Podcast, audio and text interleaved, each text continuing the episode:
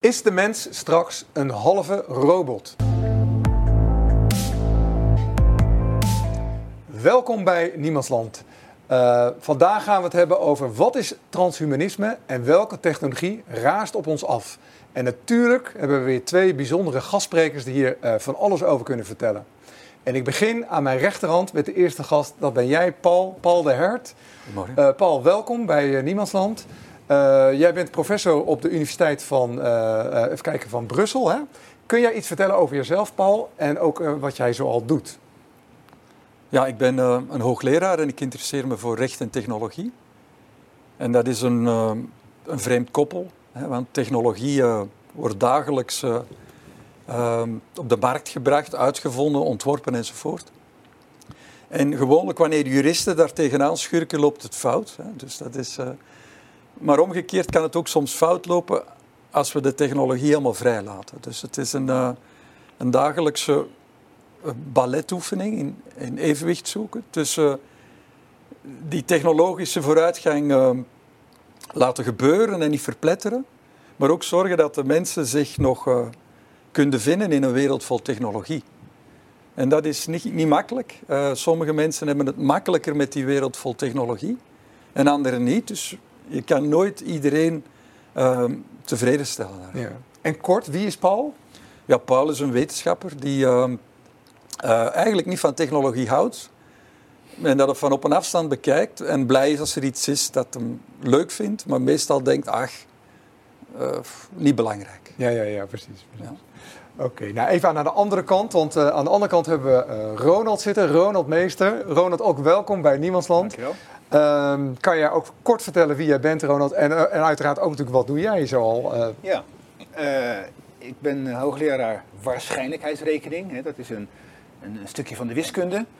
Um, en ik interesseer mij voor eigenlijk alle aspecten die daarmee te maken hebben. Dus dat gaat over academische zaken, theoretische zaken, maar ook hele filosofische, maar ook vaak hele praktische zaken dus mijn belangrijkste onderzoeksonderwerp is de forensische kansrekening. Dus zeg maar alles wat met de DNA en dat soort zaken te maken heeft. Um, en daarnaast ben ik erg geïnteresseerd in de rol van wetenschap in de wereld. Mm -hmm. dus ik publiceer ook regelmatig over de relatie tussen uh, uh, wetenschap en levensbeschouwing. Dat vind ik een spannend verhaal, zeker in deze tijd. Ja. Uh, dus daar hou ik me ook mee bezig. Ja, heel interessant. Uh, ik, ik, ga heel even naar jullie boeken, althans. Ik, ik, kijk even naar jou, Paul. Want jij bent niet uh, per se een boekenschrijver, maar jij hebt wel meegeschreven aan boeken. En je doet natuurlijk veel publicaties. Ik heb hier eentje voor me liggen. Je hebt ook eentje opgeschreven, tenminste de European Data Protection in Good Health. Daar heb je ook aan meegeschreven. Kan je daar iets, kort iets over zeggen? Want dit is een ander boek wat jij ook zei van nou Nico, dit moet je ook even laten zien. Ja, vooral dat boek moet je laten zien. Hè. Dus die, uh, ik denk dat boek dat je noemde eindigde met een vraagteken. Dus ja. Uh, ja. als er problemen zijn met technologie, dan zeggen we ah, de, de, de autoriteit gegevensbescherming, data protection gaat al die problemen oplossen. En dat is dan maar de vraag. Vinden we het goed geregeld? Vinden we het allemaal mooi opgelost? Voelt iedereen zich uh, fijn? En ik denk dat dat een, iets is wat we moeten blijven bekijken. Maar dieper liggend, en vandaar dat ik dit boek belangrijker vind, denk ik dat we moeten vragen: heeft deze nieuwe samenleving uh, niet meer behoefte aan een, een, meer fundamentele herdenking van onze waarden die we koesteren? Ja. En uh, misschien is het niet genoeg om data protection, gegevensbescherming, uh, wat subsidies toe te schuiven of verplicht te stellen enzovoort. Misschien moeten we echt nadenken over een, een, andere manier om naar onze vrijheid te kijken en die te beschermen. Ja. Daar gaan we zeker op terugkomen, hè, want daar gaan we het vooral over hebben in, in deze drie kwartier. Uh, even, uh, even naar jou, Ronald, want jij hebt ook twee prachtige boeken geschreven. Uh, ik, ik ga begin even met deze. wetenschap als nieuwe religie. Ja. En deze is volgens mij nog maar recent uit, hè? Klopt. Dus dat is de aardbeving tot zoonose. Zeker. Kan jij iets hierover zeggen? Ja, dat, uh, dat gele boek dat, uh, is geïnspireerd door wat er in de pandemie allemaal in de samenleving gebeurde. Uh, ik, ik zei net al, ik heb lang, al langer nagedacht over de rol van wetenschap en de gevaren daarvan als we wetenschap te hoog op een voetstuk gaan plaatsen. En tijdens de pandemie ja, bleek opeens hoe gevaarlijk dat daadwerkelijk was. En dus alles waar eigenlijk tot dan toe vooral in, in meer filosofische of bijna academische termen over gesproken werd, dat, dat was opeens midden in de samenleving. Dus ik heb toen een boek geschreven over waarom ik denk dat ons, ja, ons, onze spirituele schaarste, noemde ik dat maar, uh, van belang is geweest in, op, bij de manier waarop wij met de pandemie zijn omgegaan. Dus het is ook een, een, een, een, kritisch boek over de gang van zaken, over tal van, van dingen, over, over de rechtspraak, over de wetenschap zelf, over onze ethiek, uh, over het gebruik van wetenschap en het gebruik van modellen. Ja. Um, nou, dat gebruik van modellen, hè, dat is dus de brug naar het, het rode boek dat ik samen met uh, Mark Jacobs heb geschreven. Uh, tijdens het schrijven van het, het gele boekje, zoals dat tegenwoordig heet, ja, realiseerde ik mij dat, dat een, een, een, een, ehm, eh, een denken over modellen, dat heeft eigenlijk meer aandacht en meer tijd nodig dan alleen maar kort aanstippen in, in dat boek. Dus ik vond eigenlijk dat we moesten reflecteren op de rol van modellen. Ja. Hè, uh, en niet alleen in de coronacrisis, maar gewoon ook überhaupt. Hè. Dat, dan gaat het over over uh, de aardbevingen. Dan gaat het over uh, de nou, we hebben nu stikstof, CO2-modellen, klimaat, klimaatmodellen, noem maar op. Noem maar op, noem maar op de, de toeslagenaffaire. Bij al die dossiers speelden modellen, spelen modellen een cruciale rol. En ik denk dat wij die modellen veel, te, veel te belangrijk zijn gaan vinden. Uh, en dat heeft natuurlijk nadrukkelijk relatie tot het onderwerp waar we hier vandaag over, moeten, over willen spreken. Hè. De, de, de, de, rol van de, van de technologie. Uh, die begint natuurlijk bij, uh, bij de wiskundige modellen. Dus dit boek, hè, van A tot Z, van aardbeving tot zoonose, is bedoeld om ja, toch een soort filosofie van modellen te beschrijven. En niet alleen te bekritiseren hoe we dat nu doen, maar ook om aan te geven hoe we het misschien anders zou kunnen. Ja, dat is mooi. Daar gaan we ook zeker op terugkomen. Ik, uh, ik ga jullie toch eerst even wat vragen stellen. En dan gaan we er vol in met wat jullie al als inleiding nu hebben aangegeven. Dat uh, is denk ik heel interessant. Um, ja, de eerste vraag maar even aan jullie allebei. Ik begin even bij jou, Paul. Nee, begin maar bij ja? Ronald. Oké, okay, dan gaan we even nadenken. ja, we beginnen bij Ronald. We beginnen bij jou, Ronald. Waar denk je aan bij Niemandsland? Dat vragen we natuurlijk aan iedereen. Ja. En uh, het is mooi, want we krijgen ook hele verschillende antwoorden. Uh, waar denk jij aan? En je bedoelt, neem ik aan, de vraag is niet waar denk ik aan bij dit programma, maar het woord. Het woord Niemandsland, ja. Wat komt er bij je op bij het eh, woord Niemandsland? desoriëntatie. Oké dus het gevoel van niet meer de weg weten. Uh, waar ben ik? Uh, in, in, welke wereld ben ik eigenlijk verzeild geraakt? Het is een gevoel van, van onrust, van onmacht en van verdwaald zijn. Ja. En hebben de modellen ons nog niet bij geholpen? nee, sterker nog, ik denk dat die modellen ons alleen maar verder in het doolhof ja. sturen. ja, ja, heel interessant.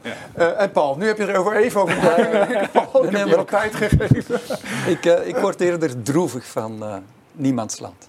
Dus ik denk dat, dat het individu heel belangrijk is. En ik ben ook blij met de juridische bescherming van het individu tegen de gemeenschap.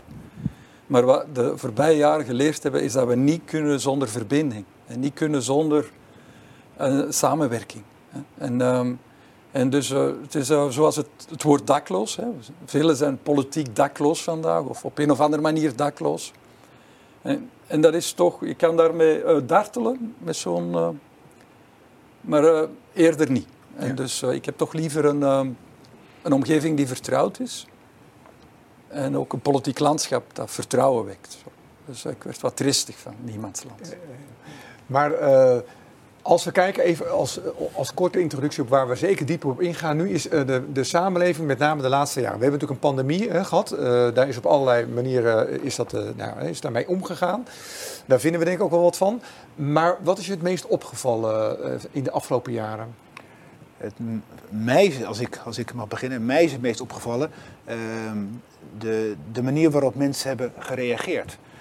ik vond het niet zo opvallend of niet zo bijzonder dat op een gegeven moment ergens een virus vandaan komt, wat, wat misschien uh, wat, wat tot een bepaalde hoogte kwaad kan. Uh, wat mij opgevallen is, is de manier waarop mensen eigenlijk uh, en achter een bepaald verhaal zijn gaan staan en daar ook niet meer vanaf te uh, brengen waren. Uh, wat een enorme, enorme polarisatie teweeg heeft gebracht in de samenleving. Dat heeft mij echt ja, toch wel uh, verrast. En dat vond ik wel het, het belangrijkste uh, van de afgelopen ja, Maar is, is dat ook niet gekomen omdat het eigenlijk, als we het even gewoon marketingtechnisch noemen, hè, uh, dat dat ook heel erg een propagandaverhaal is geweest om de angst erin te gooien, zodat mensen ook wel gingen volgen? Nou ja, dat, die verhalen die worden natuurlijk, die komen steeds uh, nadrukkelijker naar buiten. Hè. Als je dat een aantal jaar geleden vertelde, ja, dan was je een wappie. En dan was je natuurlijk een beetje een gekkie. Maar het blijkt achteraf dat het toch wel dichter bij de waarheid was dan veel mensen dachten. Uh, dat laat onverlet dat het natuurlijk heel bijzonder is om in zo'n tijd te leven waarin dat gebeurt. ik ben van na de oorlog, hè, dus ik, ik heb niet meegemaakt hoe, hoe, hoe mensen een verhaal konden volgen. Um, voor mij was dat nieuw, hè, om dat aan den lijve te ondervinden. Hè. Dus dat je in een samenleving eh, terechtkomt waarbij opeens mensen die je denkt goed te kennen, opeens zonder enige vraagteken achter een bepaald verhaal gingen aanlopen en niet meer bereid waren om te luisteren naar andere argumenten die er natuurlijk ook zijn. Hè, dus ja, weet je, je zegt er was propaganda, ja, maar ik denk zelf altijd, oké, maar je kunt er zelf blijven nadenken.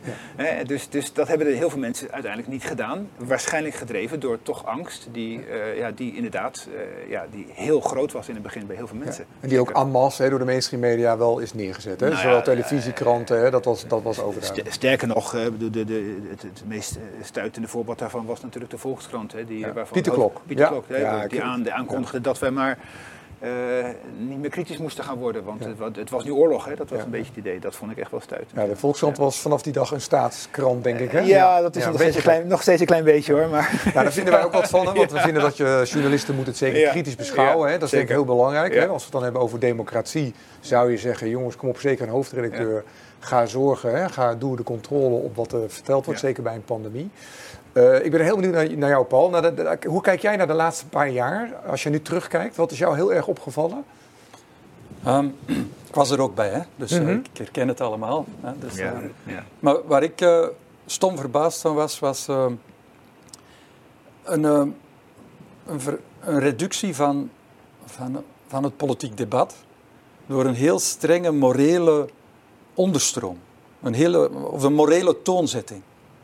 En, um, dus je hebt niet naast elkaar bestaande meningen die, die gerespecteerd moeten worden. Nee, je hebt foute meningen die je mag cancelen.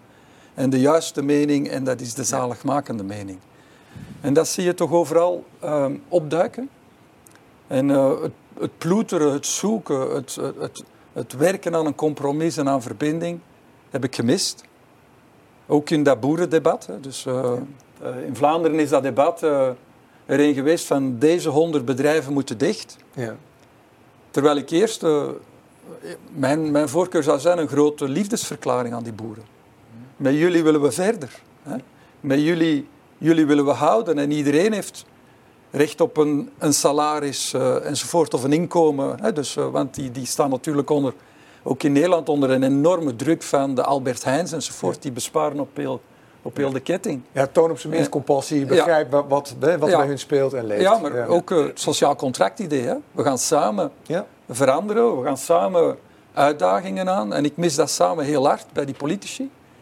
En die hebben, een, uh, die hebben zich laten verleiden door, uh, door korte termijndenking en de korte termijn stappen. Hè? Dus een Macron die de, de Franse president, maar ook hier en in, in België, die gevaccineerden opzet tegen de niet-gevaccineerden met argumenten die geen stand hielden. Ja. Dat, was een oorlog, hè? dat gezegd. gebeurde in Nederland natuurlijk ook expliciet. Hè? Dus, uh, dus uh, Hugo de Jonge was natuurlijk een exponent daarvan. Hè, van, uh, en, nou ja, daar, en dat werd er veel mensen aangegrepen om, om inderdaad ook daadwerkelijk tegen mensen die er anders over dachten dan zij, op die manier een beetje de, de moraalridder te gaan uithangen. Hè? Dat heb ik natuurlijk ook Maar dat kan je als wetenschapper al niet meer in debat. Zo'n streng, mor, zo'n streng moreel of ge, ge, gecontroleerd debat laat geen enkel afwijkende mening toe. En um, dat is heel onaantrekkelijk. Zeker. Het lijkt er een beetje op hè, dat we daardoor ook meer naar een controlemaatschappij gaan. Hè. Die wordt geregeld, waar gaan we het nu over hebben, over de technocratie en transhumanisme. Maar toch eventjes, uh, ik stel maar even de vraag. Hè. Uh, is het misschien makkelijker om van mensen een, een robot te maken? Of is het juist misschien wel makkelijker om van robots mensen te maken? Heeft dat wat te maken met de transhumanisme? Zitten we daarin, Paul? Gaan we daar naartoe? Is dat dichtbij? Kan je die zin nog eens raal gemakkelijker van een mens een robot maken? Is het makkelijker, ja. ja is het makkelijker om van een mens een robot te maken? Ja. Of is het misschien makkelijker om van een robot meer een mens te maken? Ja, ik denk dat er een verleiding is om het eerste te doen. Hè? Je kan nu met die, uh, die, uh, die smartphones en met die... Uh, die elektronische apparatuur en die technologie heel gemakkelijk gedrag controleren. Mm -hmm. um, denk ook aan snelheidscamera's uh, op, uh, bij automobilisten. Allerlei vormen van controle van gedrag. Maar trachten met de mensen in gesprek te gaan en ze tot nieuw inzicht of een andere houding te brengen, dat is er blijkbaar niet meer bij. Ja. En dus we worden eigenlijk wel gemicromanaged. En dat doet mij toch wel heel sterk aan jouw robots denken. Die manage je ook. Maar je gaat er niet meer mee in gesprek. Ja. En, en transhumanisme, kan jij dat uitleggen? Waar, waar moeten we dan bij aan, waar moeten we aan denken? Ja, transhumanisme is een belofte dat die beperkte mens die bedreigd wordt door de natuur en door onzekerheden, uh, een veiliger bestaan kan opbouwen met minder pijn, langer leven en ook meer uh, denk- en fysieke vermogens dankzij technologie. Mhm. En dat is, uh, is eigenlijk een verslavende, verleidende gedachte waar behoorlijk wat risico's aan kleven. Maar heel veel mensen zouden niet onmiddellijk nee zeggen tegen wat minder pijn, wat, wat langer leven en, en iets sneller de marathon lopen of uh, iets slimmer uh, op de universiteit tentamens afleggen. Dus, dus we zitten daar met een beweging, met een technologische ontwikkeling die inspeelt op oeroude angsten, angst voor de dood en, enzovoort, en, en oeroude driften en verleidingen. Ja. En dat is een toxische combinatie. Ja. Als we kijken naar de technocratie, Ronald, wat, kan jij dat toelichten?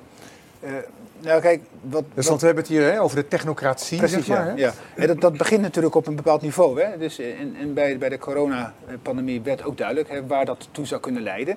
In, in, in, in minder dan geen tijd was het mogelijk om bepaald gedrag te controleren. Hè. Er, er kwam een QR-code, er kwam, er kwam van alles. Um, kijk, wat, wat ik, waar ik bang voor ben is niet zozeer, hè, om op je vraag terug te komen... Uh, is niet zozeer van worden wij robots of zo, of, of, uh, of worden robots mensen. Ik denk niet dat robots mensen worden, maar dat ligt misschien aan je definitie van, van, van een mens. Ik ben meer bang dat, dat wij onszelf gaan verliezen. En dat, dat, dat, dat, dat, dat, uh, dat vind ik een groot risico. Dat, dat je je als het ware gaat verschuilen. En ik denk ook dat Paul het een beetje bedoelt. Dat je gaat verschuilen. Dat je gedefinieerd gaat worden door de techniek die je gebruikt. Dus dat je niet meer, niet meer bij jezelf kunt nagaan uh, hoe voel ik mij vandaag eigenlijk? Ik, ik, ik, las gisteren een artikeltje van, van, van, uh, van iemand die als hem of haar gevraagd wordt, hoe voel jij je vandaag? Dan checkt ze haar, haar, haar, haar, haar smartwatch. Ze gaat ze kijken hoe alle, hoe alle meters staan en dan kan ze op basis daarvan zeggen hoe ze zich voelt. Ja, ja, ja. Dus dan ben je jezelf kwijt. Dus ik ben bang dat, je, dat we onszelf kwijtraken.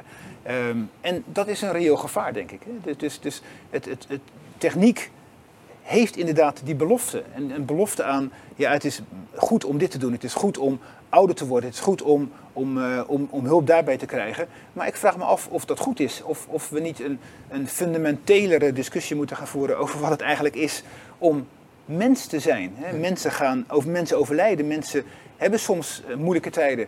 Uh, dat hoort bij het mens zijn. Hè? Dus, dus, dus ik ben meer bang dat we ons mens zijn verliezen dan dat wij straks overgenomen gaan worden door zelf uh, automatische systemen. Dat, dat is minder mijn angst. Als ik, ik ook. Ja? Ik ben helemaal eens met uh, wat Ronald zegt. Ik ben, uh, maar ik wil bij jou toch nog iets aanstippen. Je spreekt over technocratie en transhumanisme. Mm -hmm. En ik denk dat we het nu vooral hebben gehad over transhumanisme. Ja. Technocratie is voor mij iets helemaal anders. En daar, daar ben ik optimistischer over. Dat is een, een beweging die in 1810, 20 is beginnen ontwikkelen. En die gelooft dat de leidende economische elites en intellectuele elites het land moeten sturen of Europa moeten sturen. En die bestaan. Hè? Mhm. En er zijn veel technocraten in, in Europa en, in, en ook in Nederland. En in, hè? Maar dus dat is, daar ben ik wat optimistischer over. De gewone mens kweekt daar onmiddellijk een allergie tegenover aan. Dus technocratie is een voortdurende fantasie over een ideaal bestuur door verlichte mensen, die ook teruggaat tot de Grieken, want Plato heeft erover geschreven. En daar zie ik de gezonde volksaard. Ja. Daar kunnen we één jaar naar luisteren en dan zijn we het beu. En, en de democratie kan dan als een soort wasproduct al die techneuten uh, doorspoelen en dan krijgen we een, uh, een, nieuwe, een nieuwe elite die dan... Hè? Ja. Maar dus dat, het transhumanisme die, is een, volgens mij meer fundamenteel probleem. Dat echt... Uh, nieuwe vleugels krijgt en dat complexer is, omdat het niet alleen met de overheid te maken heeft, maar met onze eigen zwaktes, onze eigen verlangens enzovoort. Dus dat is een, een maatschappelijk probleem. Technocratie is een politieke oplossing die we eigenlijk niet zouden moeten willen. Hm. Maar met de Europese Unie hebben we, die, hebben we een vorm van technocratisch bestuur uh, ingericht eigenlijk. Ja, ja, ja, ingericht, ik, ik, ben heel benieuwd hoe jullie hier naar kijken. Als je kijkt naar, uh, nou goed, we, we, hebben wat futuristen gesproken over die hier wat over zeggen. Hè, over de, de AI, zeg maar, de ontwikkeling van AI. De kunstmatige intelligentie die uh, zeg maar onze eigenlijke intelligentie te boven gaat. Ze verwachten dat dat binnen de komende tien jaar gaat gebeuren, maar dat het ook dan exponentieel gaat. Dus dat betekent dat de afstand tussen de ontwikkeling van ons brein en intelligentie door de kunstmatige intelligentie wordt ingehaald, maar dan vervolgt ook meteen een enorme versnelling. Ik moet dan meteen even denken, ik vind het wel mooi Ronald, ik kan het even aan jou vragen ook. Ik zit dan te denken, oké, we gaan waarschijnlijk sleutelen aan de DNA. Hè. Misschien kunnen onze kinderen of onze, die dan ouder zijn van hun kinderen wel zeggen, nou weet je wat, ik heb liever blauwe ogen en ik heb liever een hart wat wat langer meegaat. Of weet je wat, dat gaan we wel technologisch aanpassen, dan kan het nog langer mee. We gaan er een chip bij zetten, dan spreken ze alle talen. Ik noem maar even wat dingen. Maar we gaan waarschijnlijk naar een soort maakbare mens. Zijn wij niet de, uh, over een tijdje de Neandertalers, het uitstervende ras, dat er straks zeg maar hè, mensen zijn, want dat is normaal, hè, dat we ons willen verbeteren. We willen ook langer leven, toch? Dat we een, een ander soort mens gaan krijgen? Ja, dat, dat, dat is, uh, dat, daar kan ik eigenlijk geen zinnig woord over zeggen wat toekomstbeeld. wat, jij schetst is dat, we, dat, we, dat, dat onze intelligentie eh, zeg maar, overgenomen gaat worden. Nou, daar, daar is nog wel een discussie over te voeren, hè, of dat zo is. Hè, want dan wil ik graag een gesprek met je voeren van, ja, wat bedoel je dan eigenlijk met intelligentie? Hè? Wat doet AI eigenlijk? AI is, als we wel zijn, gewoon hele geavanceerde, uh, toegepaste kansrekening en statistiek. Hè? Meer is het niet. Hè? Dus, ik, en je, dus ik weet ongeveer wat eronder zit. Hè? Dus dat kan, je, dat, kan je, dat kan je zien, daar kan je over nadenken. De vraag of dat intelligentie is, is een interessante vraag dus het feit dat wij verliezen van een schaakcomputer, zelfs de wereldkampioen, ja, betekent dat dat die schaakcomputer intelligent is. dus definieer intelligentie. Dingen als creativiteit, um, uh, die, ja, die kan je van AI niet verwachten. Dus als bewustzijn? Jij, bewustzijn. Bedoel, we weten, bedoel, laten we wel wezen, we weten niet, eh, niet eens wat bewustzijn eigenlijk is. Waar, waar het door veroorzaakt wordt, wat dat, hoe, dat, hoe, de, hoe die relatie tussen fysiek en het bewustzijn is, dat weten we niet eens. Dus, dus hoe in hemelsnaam zouden we kunnen gaan denken dat, dat wij dingen kunnen creëren met bewustzijn als we zelf niet eens weten waar we het eigenlijk over hebben. Ja. dus dus, dus um, ja, AI gaat heel veel dingen van ons overnemen en, en ik verwacht daar niet heel veel goeds van. Uh, hoewel ik ook wel kan denken dat er terreinen zijn waar we daarvan kunnen profiteren. Ja. Maar op heel veel terreinen denk ik dat we daar eigenlijk beter af zouden zijn zonder hoor. Hoe kijk jij er tegenaan, Paul? Ja, dus er zijn dubbele strategie. Hè. Enerzijds hoop je dat het allemaal zo geen vaart loopt en dat er heel veel problemen opduiken. Denk maar aan een kunstbaarmoeder of iets dergelijks. Hè. Eh, het zal nog wel even duren. Ook die implanting van chips enzovoort. Eh, dus je hoopt ergens op een uh, ruis in, in die fantasieën. Uh, anderzijds hoop je natuurlijk toch op een, een, een, heldere reflectie over wat dat dan is mens zijn. En dat je daar... Precies. En misschien geeft die ruis ons toch tijd om, om wat te groeien in dat tweede.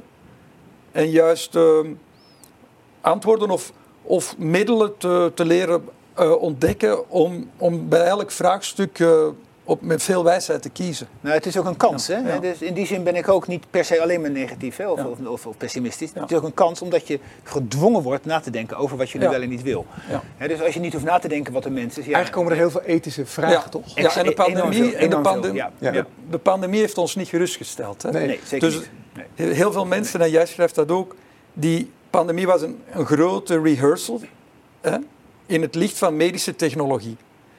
En wat is de angst die heel veel terugkomt in geschriften over transhumanisme, kritische geschriften, is dat het naar een, een dualisering gaat van de mensen die mee zijn met die technologie, dingen laten implanten enzovoort, maar die terzelfde tijd in een uitsluitingsreflex vallen van mensen die niet mee willen.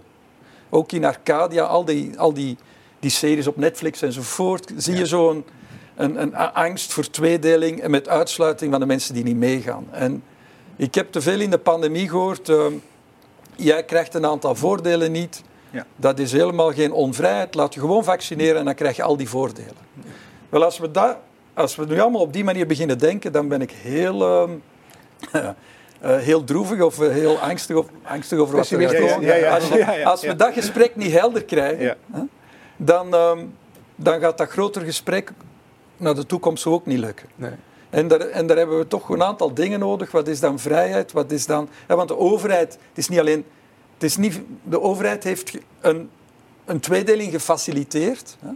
zonder echt radicaal in te grijpen. Dus het is, ook niet, het is niet alleen een gesprek met wat mag de overheid, nee, nee, maar ook een gesprek met de rest van de samenleving. Uh, wat, wat, willen jullie? Ja, maar het is niet alleen dat ze niet ingegrepen hebben, ze hebben het actief bevorderd. Ja. Hè? Dus, dus, dat moet je niet vergeten. Ja, ja, dus, hè? Eh, dus, en als het over technologie gaat, hè, dus ik, ik, ik acht, hè, vaccins zijn ook technologieën, medische technologie.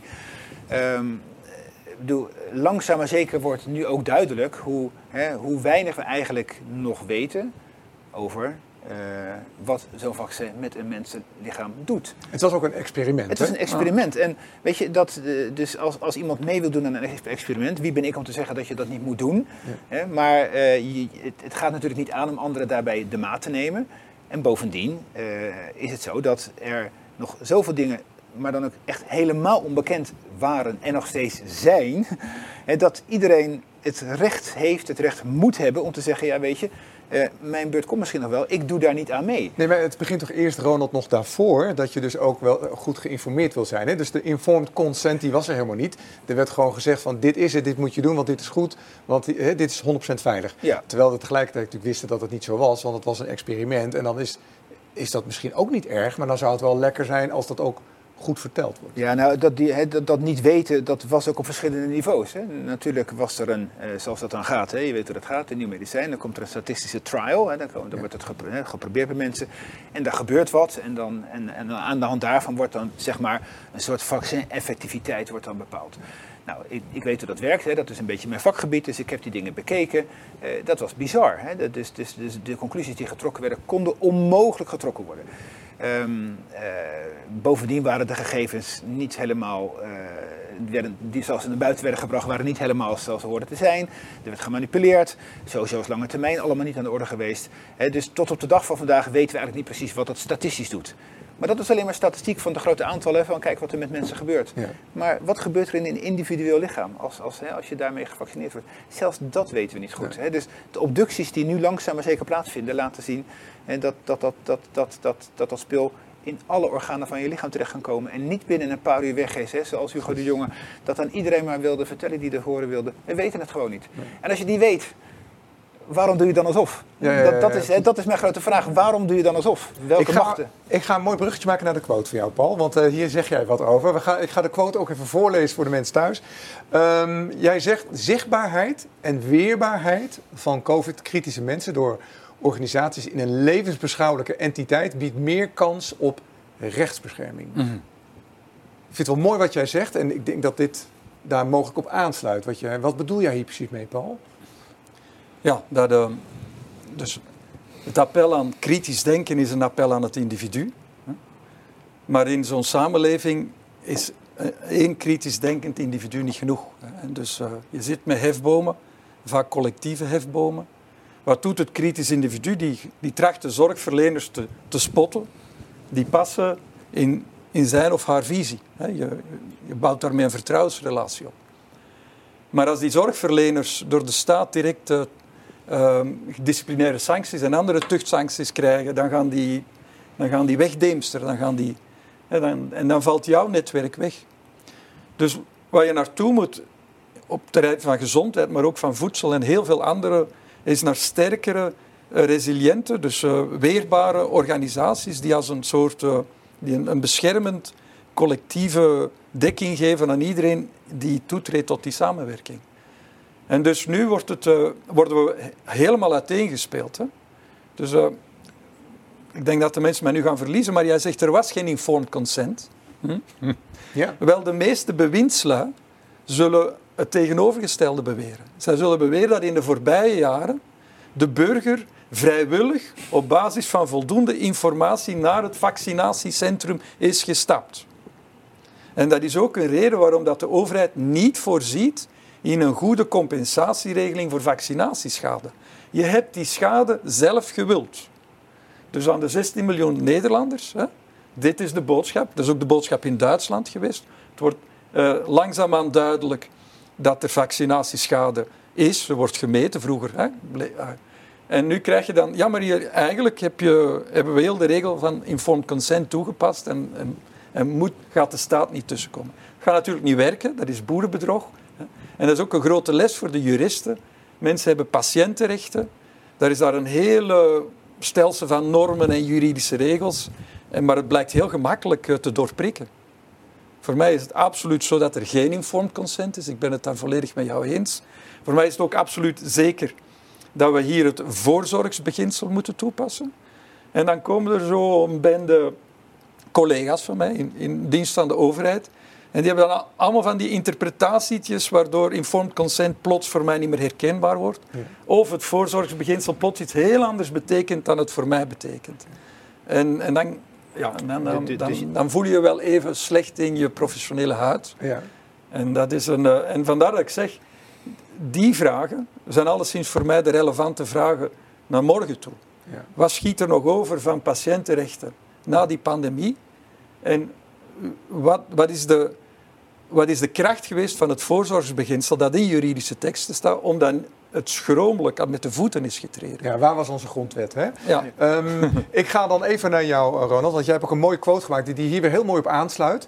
Ik ga hem ook even voorlezen voor de mensen thuis en, uh, en voor, de, uh, voor onze luisteraars op Spotify natuurlijk. Uh, de uitlevering aan modellen en techniek kan niet anders dan totalitair uitpakken. We moeten gaan begrijpen dat een model ten diepste ook maar een mening is. Zo. Ik vind het een hele mooie, want dat sluit heel goed aan op wat jij net zei. Uh, we hebben het gemerkt, hè? De, de modellen waren heilig en de modellen waren ook ineens wetenschap. Zeker. En de wetenschap is naar mijn idee een soort lobbywetenschap geweest, met name van de farmacie. En uh, ja, ik, ik, denk dat jij hier een hele mooie quote neerzet. Kan je hem toelichten, Ronald? Nou ja, uh, wat je zegt is waar. Hè? We hebben ons uitgeleverd aan, aan deze modellen en daarmee ook aan de bijbehorende techniek. die mocht kon uh, niet ter discussie gesteld worden. Dus zelfs binnen mijn eigen wetenschappelijke bubbel, uh, mijn community, kon dat niet. werd ik met argusogen bekeken als ik daar vraagtekens bij stelde. Um, hetgeen ik niet zo goed begrijp, want als, als, als, als, als niet-wetenschapper, als je gewoon niet weet hoe dat werkt met, met modellen en, en techniek, dan kan je op het idee komen dat als, hè, pak een beetje Jaap van Dissel of tegenwoordig als, uh, als, als, de, als in het stikstofdebat, als mensen aankomen met, met, uh, met destijds een model over ziekenhuisbedden en nu het Arias-model over de stikstofneerslag, dat je denkt, nou dat is kennelijk wat de wetenschap ons zegt. En de wetenschap is heilig, hè, de wetenschap weet het altijd, uh, dus dan zal dat wel waar zijn. Ja. dus dat betekent dat deze wetenschap een rol krijgt die haar niet toebehoort. De modellen worden buiten hun natuurlijke habitat gebruikt. Maar het allerbelangrijkste is, is dat mensen vergeten dat wetenschap mensenwerk is en modellen dat ook zijn. Dus als ik ergens een model voor zou willen gebruiken, als ik in het stikstofdebat, waar ik me nu ook een beetje mee bemoei, of in het aardbevingdossier, uh, uh, een model wil bespreken, uh, of, een, of, of, of iets wil gebruiken wat uit het model komt, dan dien ik mij te verhouden tot dat model. Dan dien ik mij als het ware eh, te realiseren eh, wat er in het model gegaan is. Meestal heb je het antwoord wat je wilt horen eigenlijk al zelf ingestopt. dus, dus je hebt allemaal dingen weggelaten, je hebt, je hebt allerlei keuzes gemaakt. En die keuzes zouden transparant moeten zijn.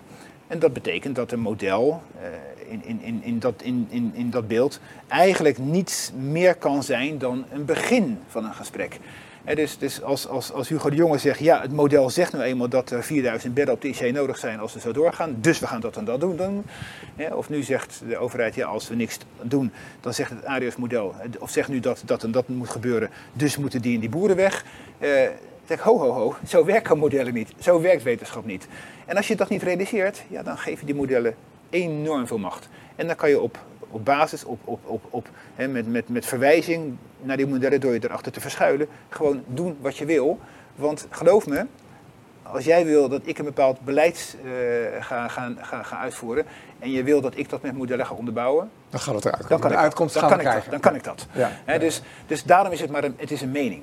He, dus, dus daarmee zeg ik niet dat elk model evenveel waard is, hè, want je moet de mening wel onderbouwen. Je moet er wel over praten. Maar het is het begin van een gesprek. En als dat achterwege blijft, ja, dan maak ik me grote zorgen. Want dan wordt het model de baas. Uh, en zijn wij slaaf geworden van een overheid die zich overlevert aan, ja, aan wat? Aan, aan rekenpartijen en aan gewenste uitkomsten. En dat vind ik wel een schrikbeeld. Was dat ook niet een beetje, Paul, met betrekking tot de wetenschap? Hè? Want de wetenschap is toch ook iets wat uh, alles maar aan het leren is en nog eigenlijk uh, alles moet, zou moeten bevragen want als we een tijdje verder zijn, dan gaan we weer anders denken misschien over, waarvan we misschien tien jaar geleden echt een stelling over hadden. Uh, terwijl nu die wetenschap, uh, naar mijn idee, ook heel erg werd gebruikt van bovenaf, vanuit lobby's, belangen, om inderdaad, wat jij ook zegt, Ronald, een uitkomst te verkrijgen. Ja, dat is uh, Ronalds werk. Hij heeft dat meesterlijk aangetoond. Ik maar het klopt, hè, dus ik, ik zou maar meer nadrukkelijk het, het, verschil willen maken tussen wetenschapper en expert. Mhm. En experts zijn al die personen die opdraven op de televisie omdat ze in overheidsorganen zitten. En die gaan natuurlijk een verhaal vertellen uh, waarbij ze zeggen, ik vertegenwoordig de wetenschappelijke consensus. Dus ik mag als expert optreden. Een expert moet in de eerste plaats ons doen geloven dat hij dat kan. Een wetenschapper zit helemaal anders in elkaar. Hè? Een wetenschapper zal... Dus een expert heeft het nodig om te zeggen, ik ben representatief. Terwijl een eerlijke wetenschapper uh, als, een, uh, als een groep, want het is toch een collectief werk, of als een individu, uh, eigen stellingen gaat verdedigen en heel competitief is en gaat proberen foute uitspraken of bevindingen van collega's onderuit te halen. Het is een heel leuk spelletje van, met genoeg competitie die de wetenschap fris houdt. Maar dat doen experten niet. Experten verstarren heel de boel. Hè? En hebben dus een aantal trucjes nodig om die rol te kunnen blijven. Dus waar we naartoe moeten is toch, en dat, dat brengt ons dan terug bij die technocratie. Hè. Er zijn boeken, tig boeken geschreven over die expertensamenleving, maar we hebben ze niet gelezen. En we hebben in tegendeel heel veel macht gegeven aan die experten. En die politieken hebben, hebben zich niet alleen achter uh, modellen, maar ook achter experts verschuild. Dus heel die literatuur um, is niet gelezen. En dat doet mij dan toch uh, fronsen. Wat lezen die jongens eigenlijk tijdens hun studies? En een cursus wetenschapsfilosofie is een, is een must voor mij.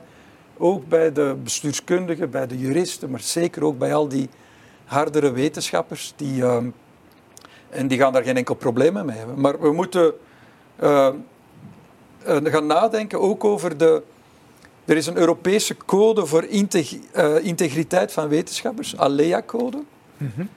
En ik lees daar veel te weinig in. Dus daar staan wel een aantal dingen in over belangenvermenging enzovoort. Maar ik wil daar toch heel de hoofdstukken aan toevoegen. Met alle mogelijke fouten die ik heb gezien in de voorbije pandemie. Hè. Namelijk, uh, ik wil daar toch stukjes over wat. Ben je nog wetenschapper als je expert bent? En kan je de twee rollen claimen? Antwoord nee. Hè? Um, al de wetenschappers die zetelen in bestuursorganen of adviesorganen, die moeten bij elke media-interventie dat ook vermelden. Ook al is die functie achterwege of was die tijdelijk of ad hoc enzovoort. Dus die, het, het, normeren van de integriteit van de wetenschapper uh, moet lessen trekken uit wat ik gezien heb. Er is veel fout gegaan. En we hebben veel wetenschappers aan de zijlijn gezet met het argument: er is een consensus. Er is een enorme misbruik geweest bij heel veel experten, wetenschappers, van het consensusargument. Maar, maar, zit, zit er niet wat onder? Integriteit kan je uiteindelijk niet opleggen met regels. Ja. Je, je, bent integer of je bent het niet. Ja, maar ik wil het, ik wil het argument, ik vertegenwoordig consensus, zou voor mij niet meer mogen. Hè? dus ik zou toch, de, de verwijzing naar een consensus is, is, is het, het wetenschaps, de wetenschapsbeoefening uitschakelen. In een, in een Popperiaanse visie van wetenschapsbeoefening is een autoriteitsargument geen argument. dus dat is, en ik vertegenwoordig de consensus, dat is een autoriteitsargument. En dat willen we niet meer. En het wegzetten van kritische wetenschappers, ook in de, in de media.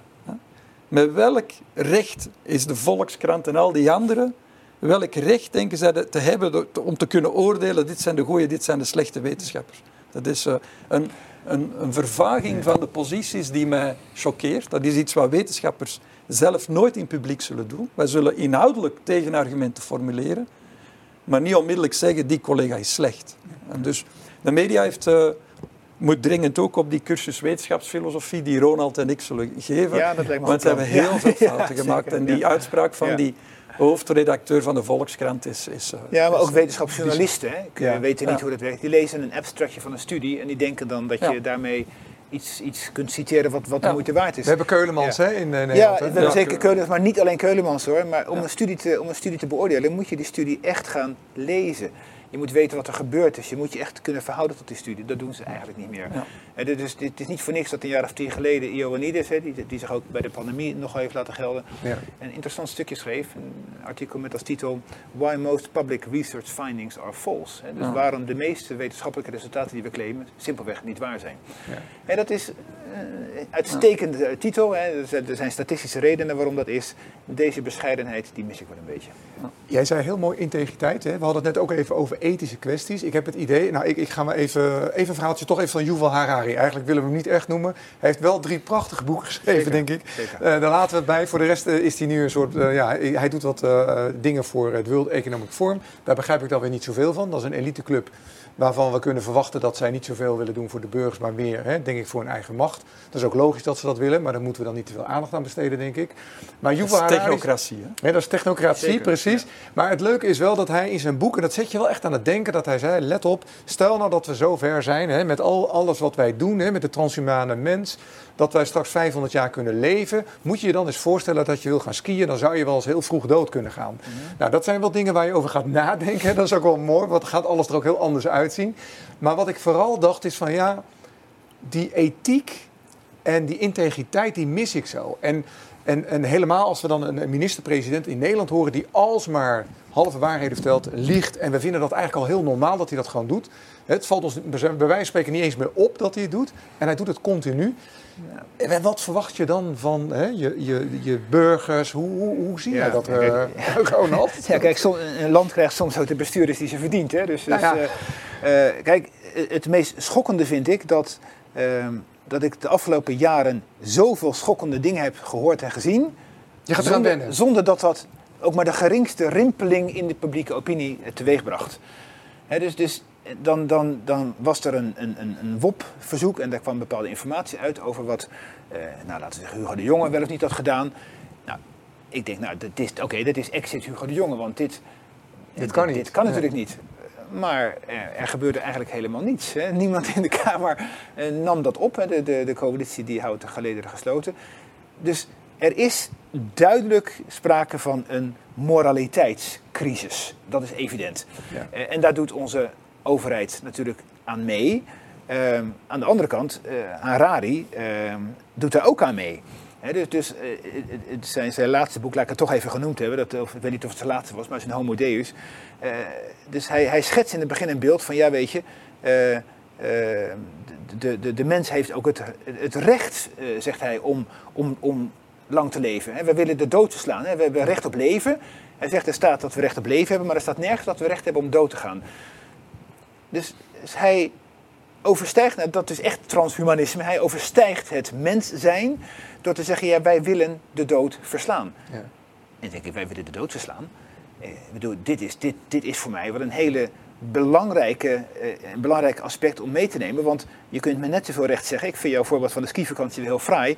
De, de dood is ook een zingever. Ja. Als, ik, als ik oneindig lang leef, dan is deze dag betekenisloos. Ja. Dus, dus niet dat mijn mening daarbij heilig is, maar alsjeblieft, dit heeft een, dit, dit heeft een gesprek nodig. En, en niet een plat gesprek over het zou zo fijn zijn als we langer konden leven. Dat niveau moet het niet zijn, denk ik. Is dat dan graag terug naar de natuur, Paul? Kunnen we dat zeggen?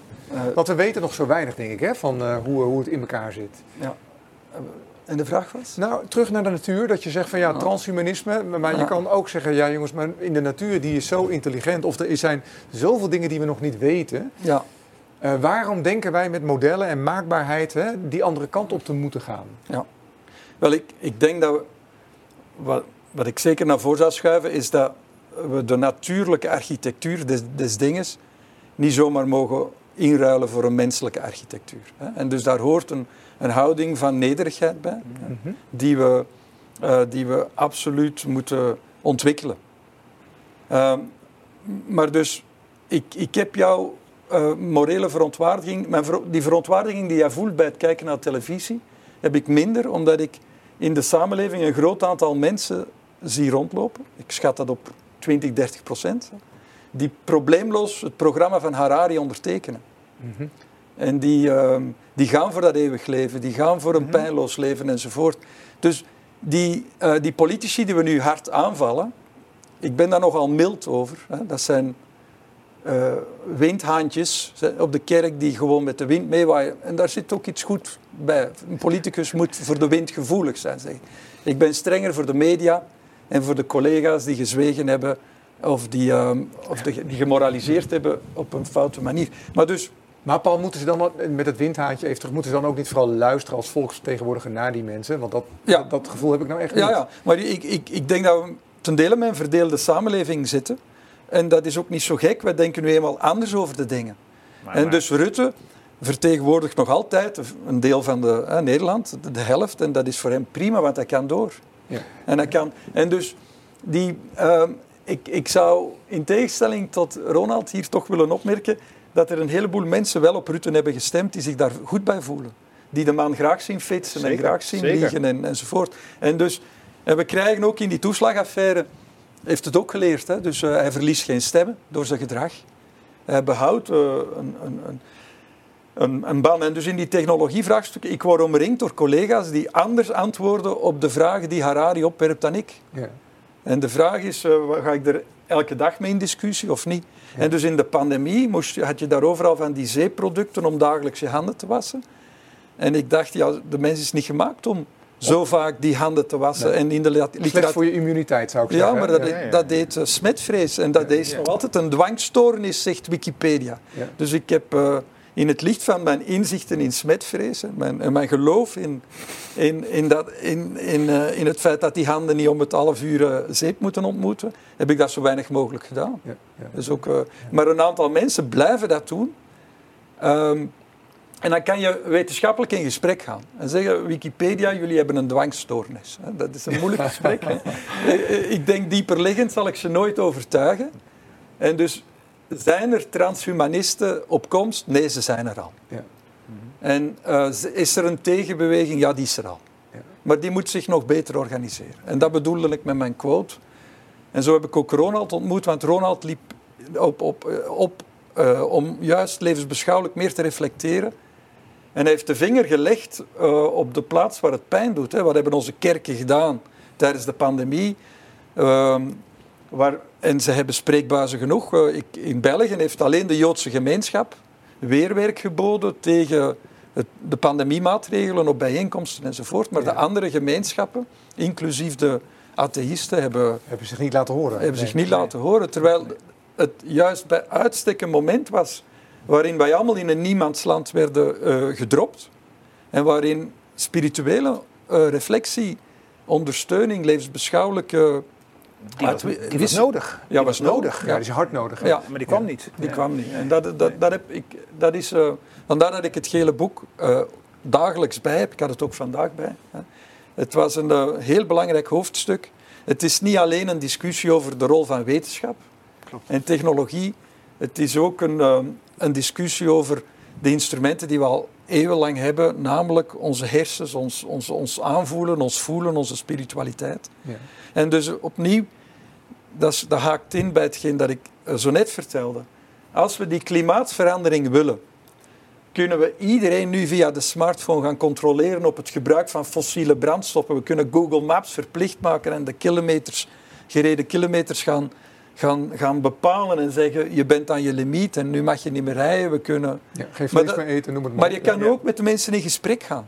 En we werken aan de overtuigingen, aan de, in plaats van die top-down als een, een QDV in de juiste richting te krijgen. We hebben in België nu een interessant verbod. Je hebt de leiband. Van de, en daarmee hou je je hond onder controle in de publieke ruimte. Wel bekend. Nu hebben van die ingenieurs uit China waarschijnlijk, uh, alleszins uh, geen aantrekkelijke mensen, een elektrische leiband bedacht, waardoor dat je dat leren dingetje niet meer nodig hebt, maar met een druk op de knop pijn kan veroorzaken, waardoor dat die hond, weet ik moet, uh, naar links of rechts. Ja, ja, en dat, dat, vonden de burgers in, in België prima.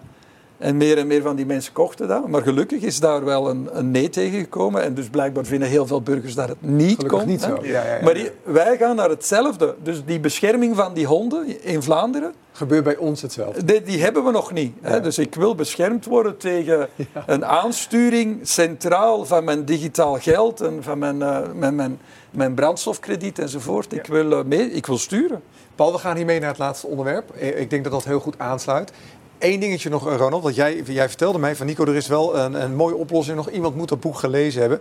Kan je heel kort er iets over zeggen? De perfectie van de techniek. Van Friedrich Jünger. Ja. ja uh, nou, ik weet niet of het zozeer een, een, boek is dat een oplossing geeft. Maar het is wel een heel bijzonder boek. Um, want het is bijna 100 jaar geleden geschreven. Ehm, en het gaat over de, de, de, de gevolgen van de toegenomen technolisering van de, van de maatschappij. Uh, hij ziet er allerlei uh, problemen mee en, en, hij observeert heel veel zaken uh, waaruit blijkt dat mensen daarin meegezogen worden. En we hebben het dan over mechanische techniek hè, in, die, in die tijd. Ja. Um, vervang in dat boek elke keer het woord mechanisering door digitalisering en je bent gewoon in 2023. Ja. En ik denk dat meer mensen het boek moeten lezen, omdat het je aan het denken zet over um, de, de, de, eigenlijk de, de autonomie die die techniek heeft. De techniek, de technici hebben geen boodschap aan wat er zou moeten gebeuren. Die hebben geen boodschap aan, aan moraal, die hebben geen boodschap aan ethiek. Die doen gewoon hun technische ding. En op de een of andere manier is er een, is er een mechanisme dat hen altijd die ruimte zal gaan geven. Ja. Nou, dat beschrijft hij behoorlijk weergeloos als je door het Nederlands-Duits heen kunt worstelen. Okay. het is niet zo'n makkelijk boek om te lezen. Ja, ja. Ik ga even terug naar, naar, het laatste onderwerp. Dat is de onderste steen boven. Waarom doen we dat? Omdat wij merken zeg maar, dat, uh, nou ja, uh, zeker als ik kijk even naar 2023, hoeveel regelgeving en wetten er op dit moment lopen, ook met name vanuit de EU, over dat, wat jij vertelt aan de leiband houden van de hond. Maar ik denk dat dat is aan de leiband houden van de burgers. Dat zijn er nogal wat. Ik ga ze niet allemaal opnoemen. Ik denk dat er hier 20 staan. wetten die in gang zijn, die ons gaan beperken in onze vrijheid. Niet alleen in onze vrijheid. Uh, maar nog in veel meer dingen. En ook dat daar uh, helemaal weinig over gezegd wordt. Er is geen transparantie over deze informatie. Die wordt gewoon bij het kruisje getekend. Uh, en ik wil graag drie onderwerpen heb ik daaruit gehaald. Die wil ik heel graag uh, aan jullie noemen. En ik wil gewoon jullie eerste reactie. We, ook aan de luisteraars thuis. willen jullie hier meer over weten? geef ook in de comments even aan wat jullie hier interessant aan vinden. Ik ga ze alle drie even doornemen. En ik ben benieuwd welke van de drie jullie het, het meest belangrijk vinden. De allereerste die loopt, dat is in de, de wet publieke gezondheid, de WPG. Eh, nou, we hebben al, al, die tijd een spoedwet gehad en dat wordt een, een, een, wet die gaat vastgelegd gaat worden en die gaat absoluut vrijheidsbeperkende maatregelen weer hebben, zoals lockdowns, mondkapjes, alles wat we gehad hebben waarvan we eigenlijk al weten, hadden we nooit zo moeten doen. Er waren vele andere oplossingen, ik denk weer even aan Zweden. Uh, maar toch gaat dat waarschijnlijk in de Eerste Kamer, ik dacht zelfs 16 mei, erdoor komen. Ja. Dat is de eerste. Um, de tweede is de, de data met betrekking tot de coronacrisis. Nou, we hebben het al even over gehad. Op dit moment, ik noem even een rijtje aan data wat uh, klaarblijkelijk niet naar buiten mag komen. Dat is de evaluatie van het uh, ja, wet openbaar bestuur. Dat is natuurlijk helemaal raar, want dat is er juist om ons te controleren. Nou, net als met de toeslagenaffaire is het meeste zwart gelakt. De oversterfte, we willen, uh, we willen het gewoon niet laten zien. Mailverkeer van politici niet. De CT-waarde van de PCR-test gaan onder de tafel. De OMT-documenten. De Wuhan-leak, de Pfizer-deal. De miljarden verdwenen euro's, mogen we niet weten. Wij moeten elke 100 euro moeten we weten hoe het zit. Maar de miljarden euro's van de volksvertegenwoordigers, die, die mogen gewoon verdwijnen. We hebben de datavaccinatieschade en ik zeg nog even de NCTV die volop de data heeft uh, gevolgd. En de volgende sleepwetregeling die eraan zit te komen is de bulktap op de burgers. Dus we gaan er weer een stap verder. We mogen allemaal afgeluisterd worden en we gaan de toetsing later doen. En dan de laatste, stikstofdossier, modellering. Hele goede voor jou, denk ik, ja. Eh, Ronald. De onwerkbare compromis die nu er ligt en zouden we niet opnieuw naar de tekentafel moeten. Uh, zal ik met jou beginnen, Ronald? Welke van de drie spreekt jou het meest aan? Hemeltje lief. of zeg jij alle drie? Ik heb met alle drie te maken gehad natuurlijk. Ja, hè. Ja, ik heb mij actief verzet hè, destijds tegen, het, uh, tegen de, de, de QR-code. dus ik ben ook actief betrokken geweest bij die, uh, bij die WPG die inderdaad binnenkort door de Eerste Kamer waarschijnlijk aangenomen gaat worden. Op welke manier ben jij actief daarmee voor de mensen thuis? Ehm, nou, destijds was ik een van de initiatiefnemers van, van Onverdeeld Open. Hè. Dus dat is die, die, die petitie die bijna een miljoen handtekeningen kreeg om het 2G, eh, het 3G-beleid eh, af, af te schieten. En op de achtergrond ben ik bezig met eh, verschillende mensen om ja, de senatoren toch ook... Ja, Onder andere ook met Eline van der Broek, hè? Onder met name over het oversterftverhaal. Ja, ja, dat Is, ja dus de, de, de WPG, dat, dat, is, dat doe ik met een, met een ander clubje vanuit, vanuit de, de, de Vierde Golf. Dat is een, een linkspolitieke vereniging. Oversterfteverhaal ben ik bij betrokken via bijvoorbeeld met Eline van der Broek, maar ik werk ook met veel andere mensen daarin samen om daar toch wat meer licht op te krijgen, in te krijgen. Ja. Uh, en het stikstofdossier, ja luister, dat is gewoon corona, maar dan wat groter in de zin hè, van, van, van de, de rol van de modellen. Ehm, ja, daar, uh, ook daar uh, pleit ik voor minder afhankelijkheid van, van modellen die gewoon het woord ja, de, de, naam-model niet eens bijna waard zijn. Hè, die, die op geen enkele manier waar kunnen maken waar ze politiek voor gebruikt worden. Dus je maakt het me ontzettend moeilijk als ik moet gaan kiezen tussen A, B en C. dus eigenlijk, nou, ik zeg, kan ik dat eigenlijk niet. Hè? Dus, ja. uh, dus vind ik ze allemaal ontzettend belangrijk. Oké. Ja. En Paul, voor jou, je hebt even kunnen kijken. Um, wat, wat denk jij? Ja, alle drie uh, liggen ook bij mij uh, dicht bij het hart. Hè. Dus ehm, wat ik bij B merk, dus die openbaarheidsverzoeken zijn heel belangrijk geweest. Maar de uitkomsten ervan worden toch altijd genegeerd door de, de grote kranten. Hè. Het blijven individuele verzoeken. En uh, het, het, het, maakt mensen boos, want het brengt informatie aan het licht die, uh, die ze vermoeden. Hè. Maar het leidt niet tot een, uh, een globalere evaluatie. Dus een machtig instrument, die openbaarheidsverzoeken. Belangrijk, belangrijker dan privacywetgeving soms, want het helpt de democratie vooruit. Ja. Maar toch ook beperkt. Nu, voor mij heel urgent is A.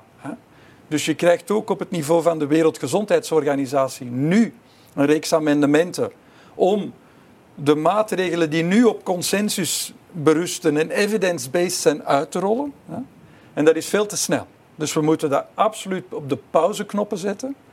Um, het, ik heb een, in Trouw twee weken geleden nog een column geplaatst. Zweden blijft daarbij onderbelicht. Zweden scoort op alle officiële statistieken goed ook op de vrijheidsstatistieken. Mm En dus zo'n wetbeperkende, vrijheidsbeperkende maatregelen die ervan uitgaan dat Nederland het goed heeft gedaan en dat er geen alternatief is, is totaal fout. Hè. Er is een alternatief.